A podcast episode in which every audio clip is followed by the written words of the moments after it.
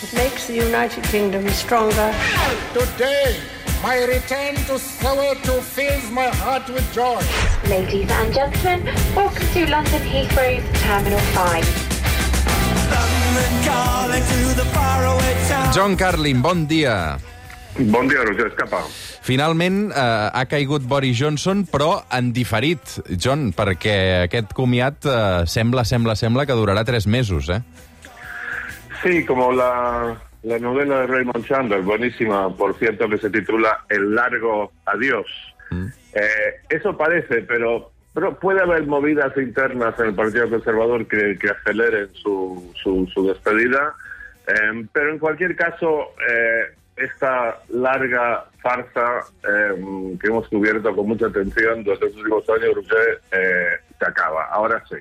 Quina llàstima. Hi ha un punt de greu, també, perquè el personatge realment ens ha donat eh, titulars i estones de conversa. Tu, de fet, John... Sí, ens... no, exacto, es que, ahí estás hablando como, como periodista, exacto. Para los periodistas es, es una pena, nos da, nos da mucho material Boris Johnson y muy difícil que, que lo reemplace eh, sea tan divertida y genere tantas noticias y escándalos.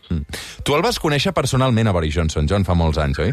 Sí, bueno, no, un poco, no, no, no exageremos, pero lo entrevisté una vez. Eso sí, tengo eh, buenos amigos que han trabajado con él como periodista en el Daily Telegraph, donde estuvo varios años, y en el Spectator, y he leído un montón sobre él y, y es un es un personaje como he dicho aquí antes eh, bastante atractivo simpático divertido o sea sin duda eh, lo pasaremos bien tú y yo eh, cenando con él aquí en Barcelona lo pasaremos pipa Eh, De fet, quan era periodista, ara parles del Daily Telegraph, però, però crec que el van fer fora del Times directament per plagiar articles, i, Sí. i quan era corresponsal a Brussel·les, eh, que ja feia molta campanya anticomunitària, va fer un article molt polèmic sobre una suposada regulació de la Unió Europea sobre la mida dels preservatius i deia que els britànics necessitarien mides més grans que les dels europeus.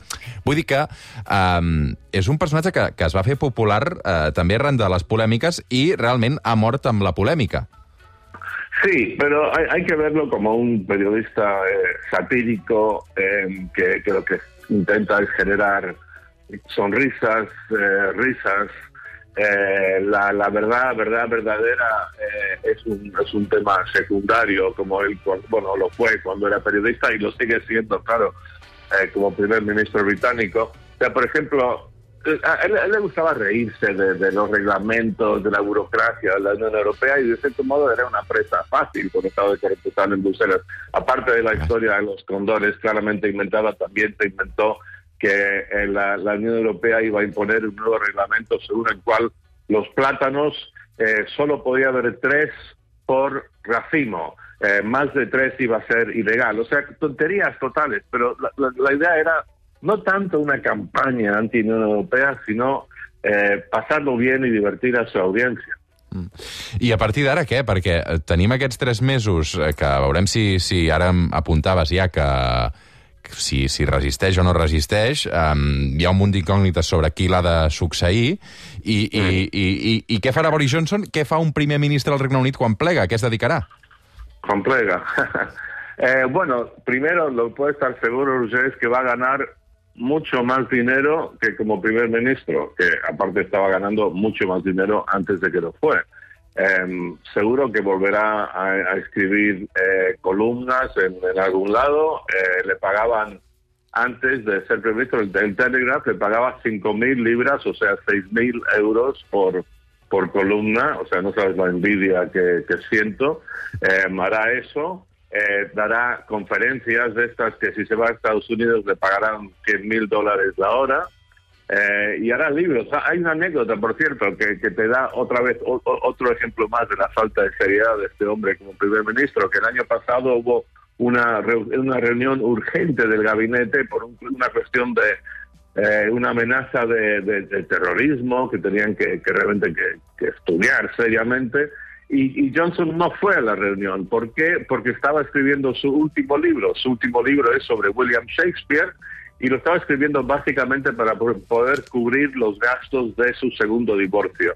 Ahora lo que va a hacer es se va a dedicar, bueno, como, como yo, pero, pero de manera mucho más em, exitosa en cuanto a dinero, se va a dedicar a vender palabras y, volver a hacer lo que, lo que realmente lo que hace mejor y lo que le corresponde en la vida, más que ser el líder de un país, ser un periodista que entretiene el personal. El seu llegat polític, eh, evidentment, eh, va agafar el Regne Unit en una situació eh, compromesa per, per haver d'executar el Brexit després de l'adeu també forçat de Theresa May.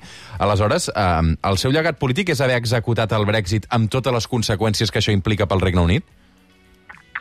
Bueno, exacto. Es que es que hay, hay, hay, que repetirlo porque es muy importante que este hombre que, que realmente no es digno de ser un primer ministro, una persona que es, muy inteligente, es muy erudita, pero es irresponsable, es caótico, es básicamente un payaso. Este hombre fue el responsable del Brexit. Si él hubiera pues, porque ha sido un personaje tan carismático, ahora ya ha perdido toda credibilidad, pero ha sido tan carismático. De lejos político más popular, o sea, más capaz de persuadir de toda Gran Bretaña. Y cuando él eligió, por una cuestión no de principio, sino de cálculo político, eh, irse en contra, a favor del Brexit, el Brexit iba a ganar. Pero si él se hubiera colocado a favor de la permanencia, hoy, hoy Reino Unido seguiría dentro de la Unión Europea, con lo cual su legado es tremendo, no solo eh, una lección de el tipo de primer ministro que ojalá nunca más se vuelva a votar en Reino Unido, sino el legado de, del Brexit. Es,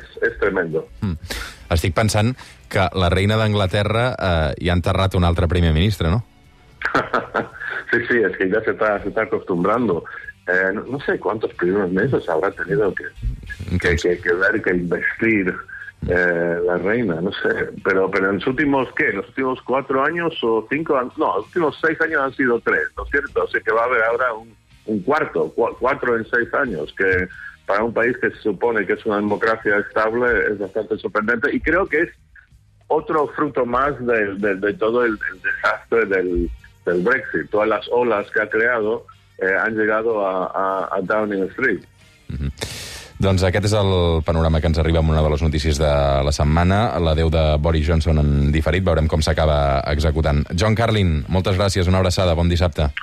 Una abraçada, Roger. Ara tornem. El suplement amb Roger Escapa.